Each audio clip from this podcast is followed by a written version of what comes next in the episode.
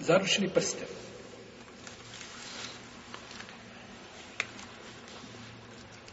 Kada se čovjek ženi, znači, lijepo je, odnosno obaveza je, po dunjavničkom zakonu, da joj kupi šta? Prste, burmu, bilo šta, znači nešto zašto da joj kupi. I da uzme da joj to dođe, da joj to stavi svojom rukom na njenu ruku. Iako mu ona zabrane da dotiče. Ali to je ipak šta? To je stavljanje prsta, to je pozivna situacija, moramo iskopati nekakvu šta? Olakšicu za njegove, to tako. I onda on njoj stavi svojom rukom, a i ona njemu stavi svojom rukom. A možda je njegova zlatna. Pa onda biva, znači, tu kamera problema, tako? I, i šedijetski su protosti. Pa je stavi, znači, i to je danas ono što ljudi rade. Kada se zaručuje obavezno, znači, nešto moraju staviti na prst, da, znači, da, da, da, da je to zaruka i tako dalje. To, braćo, nije šerijetski način zaručivanja zaruka u šarijetu s otim nema nikakve veze.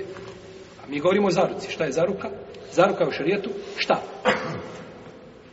Načelno, obećanje. To je, to je zaruka u šarijetu. Nema nikak prstenje tom prilikom i tim povodom ništa u šarijetu nije došlo tome. Nego je to običaj koji je preuzet od nemuslimana. Čisto zapadnjački običaj koji su oni preuzeli i muslimani, jel, kao i sve druge stvari, ovaj, odmah, addu alejha bin nevađid. Kao očnjacima da se uhvate, jel tako? Kao da sunnet nekakav. Ovaj našli, pa se uhvate zato i ne može to više izbiti bez to muka. Kako će proći bez, bez, bez, bez prste na zaručnosti?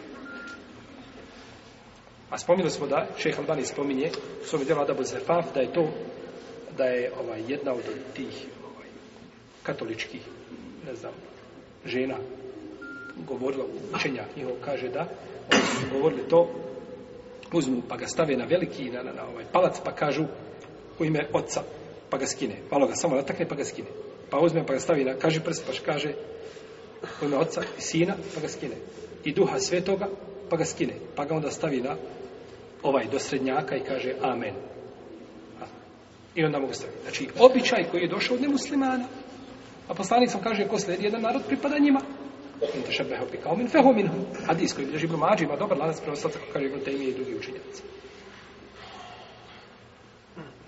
Pa je to neispravno. Takva vrsta zaruke je zabranjena šerijatom.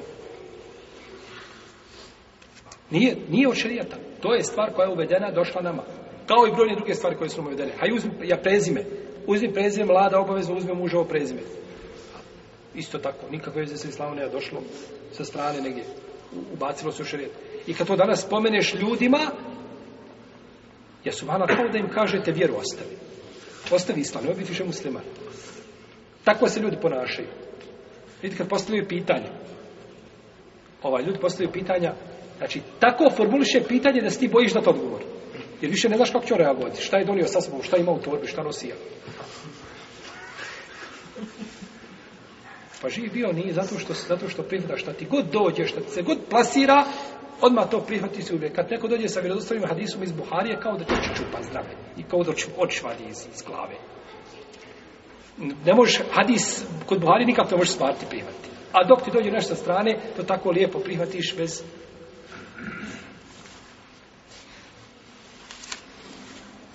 Pa je takav način zaručivanja, ne zaruka je samo, znači, načelno obećanje, znači zabranjeno.